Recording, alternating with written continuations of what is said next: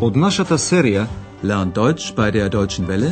Учете германски со Deutsche Welle, чујте ја серијата Deutsch, warum nicht? Германски зошто не?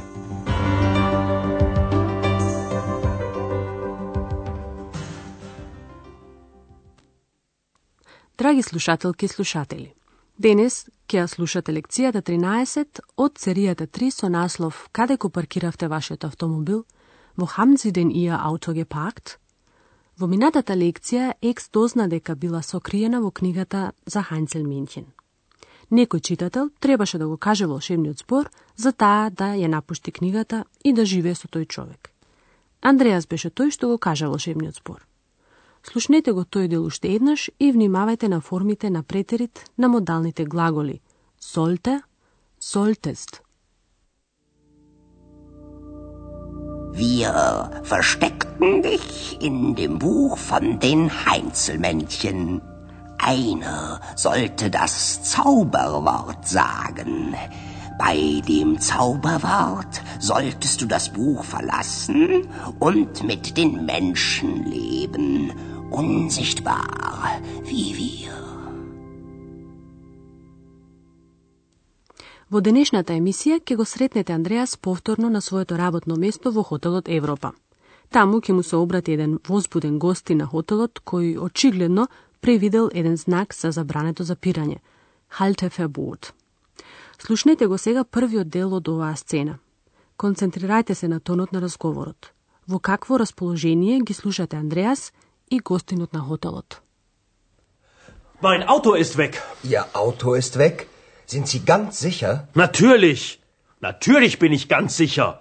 Schließlich bin ich ja nicht blind. Überlegen Sie mal. Wo haben Sie denn geparkt? In der Bismarckstraße, gleich um die Ecke. Oh, da ist Halteverbot. Was? Das glaube ich nicht. Ich habe kein Schild gesehen. Ich kann es Ihnen zeigen. Ja, bitte. Das möchte ich sehen.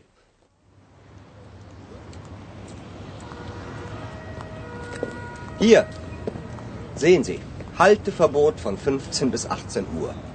Das darf ja nicht wahr sein. Гостинот на хотелот е многу возбуден и налутен. Тоа воопшто не е чудно, бидејќи неговиот автомобил го нема. Но и покрај тоа, Андреас е мирен. Слушнете ја оваа сцена уште еднаш повнимателно. Гостинот на хотелот возбудено му соопштува на Андреас дека неговиот автомобил го нема. Mein Auto ist weg.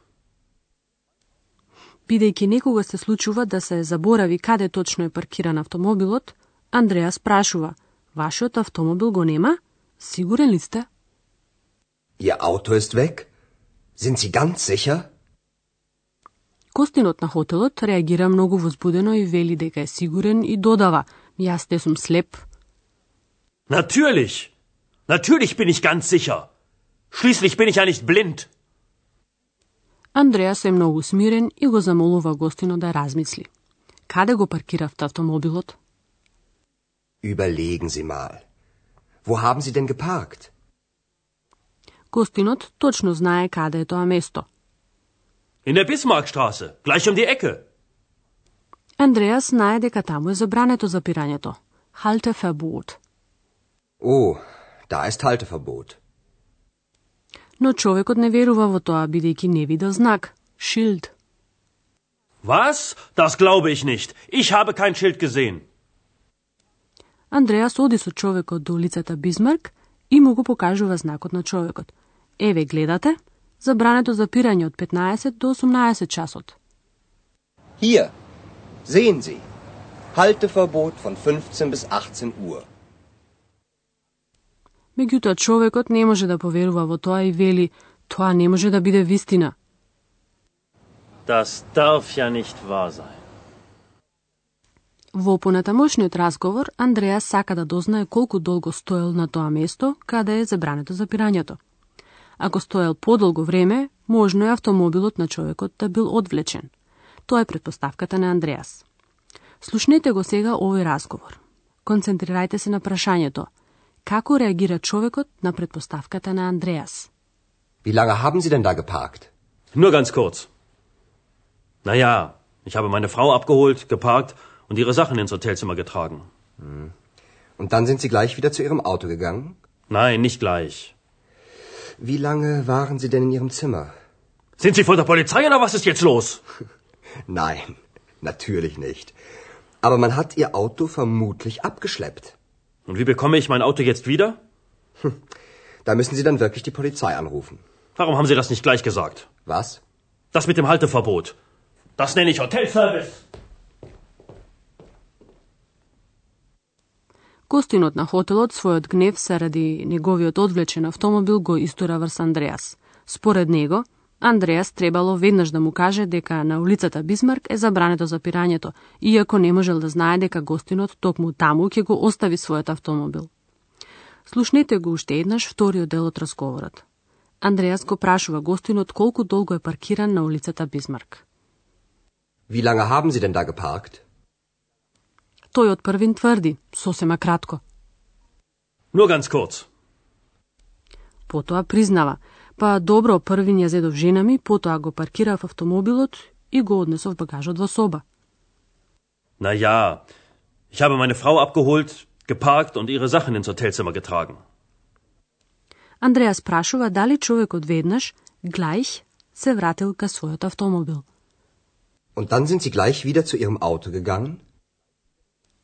На Андреас овој одговор му се чини непрецизен и повторно го прашува, а колку време се задржавте во незината соба? Nein, nicht gleich. Wie lange waren Sie denn in Ihrem Zimmer? Човекот не разбира дека Андреа со ова прашање сака да дознае дали автомобилот е можеби одвлечен.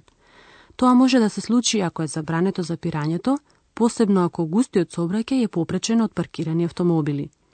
Но со прашањата на Андреас, човекот се чувствува како сослушуван од полицијата. Sind Sie von der Polizei oder was ist jetzt los? Андреас го порекнува тоа и му објаснува, вашиот автомобил сигурно е одвлечен. Nein, natürlich nicht. Aber man hat Ihr Auto vermutlich abgeschleppt. Тој сега се интересира само уште за тоа како ќе си го врати назад автомобилот. Und wie bekomme ich mein Auto jetzt wieder? За таа цел, тој би требало да се јави во полицијата за да дознае каде го однеле.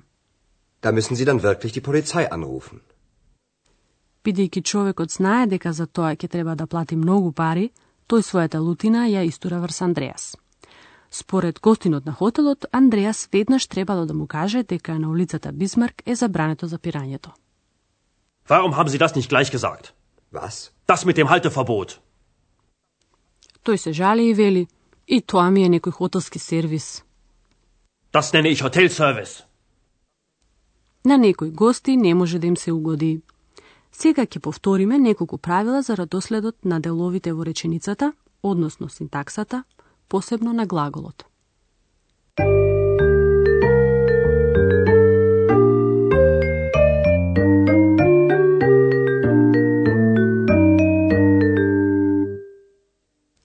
Во исказна реченица со нормален редослед на делови на реченицата, додатокот за номинатив, подметот или субјектот, стои на прво место.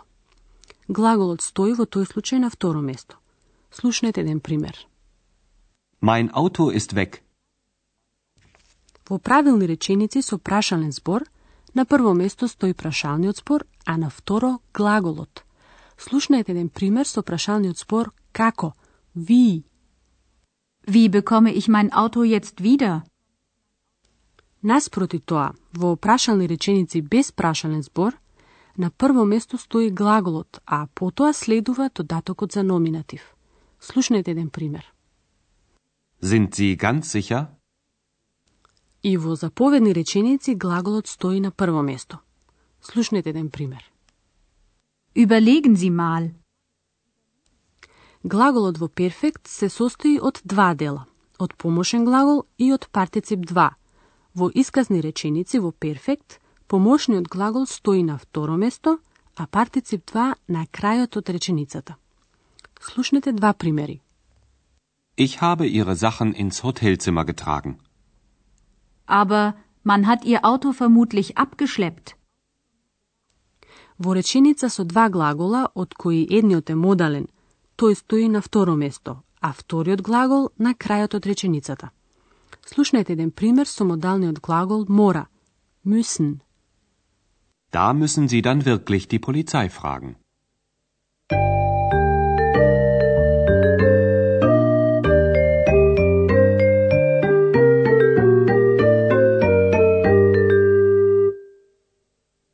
Слушнете ги сега уште еднаш двата диалога.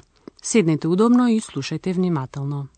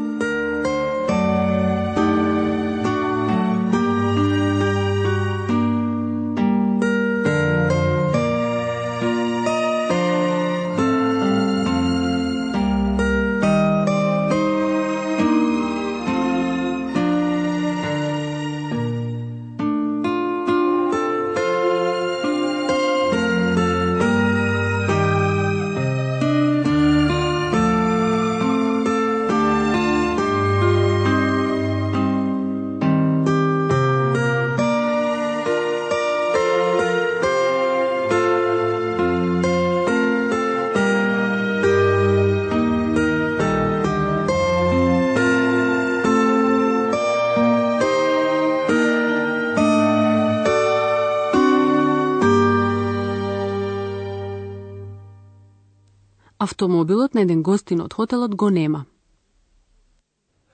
Mein Auto ist weg. Ihr Auto ist weg? Sind Sie ganz sicher? Natürlich. Natürlich bin ich ganz sicher. Schließlich bin ich ja nicht blind. Überlegen Sie mal. Wo haben Sie denn geparkt? In der Bismarckstraße, gleich um die Ecke. Oh, da ist Halteverbot. Was? Das glaube ich nicht. Ich habe kein Schild gesehen. Ich kann es Ihnen zeigen. Ja, bitte. Das möchte ich sehen.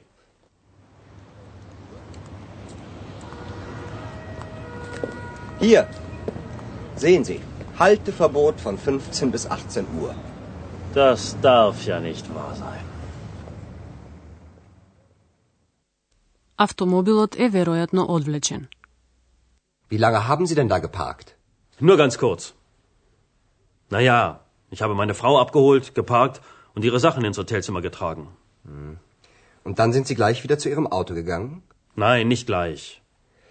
Wie lange waren Sie denn in Ihrem Zimmer? Sind Sie von der Polizei oder was ist jetzt los? Nein, natürlich nicht. Aber man hat Ihr Auto vermutlich abgeschleppt. Und wie bekomme ich mein Auto jetzt wieder? Da müssen Sie dann wirklich die Polizei anrufen. Warum haben Sie das nicht gleich gesagt? Was? Das mit dem Halteverbot. Das nenne ich Hotelservice.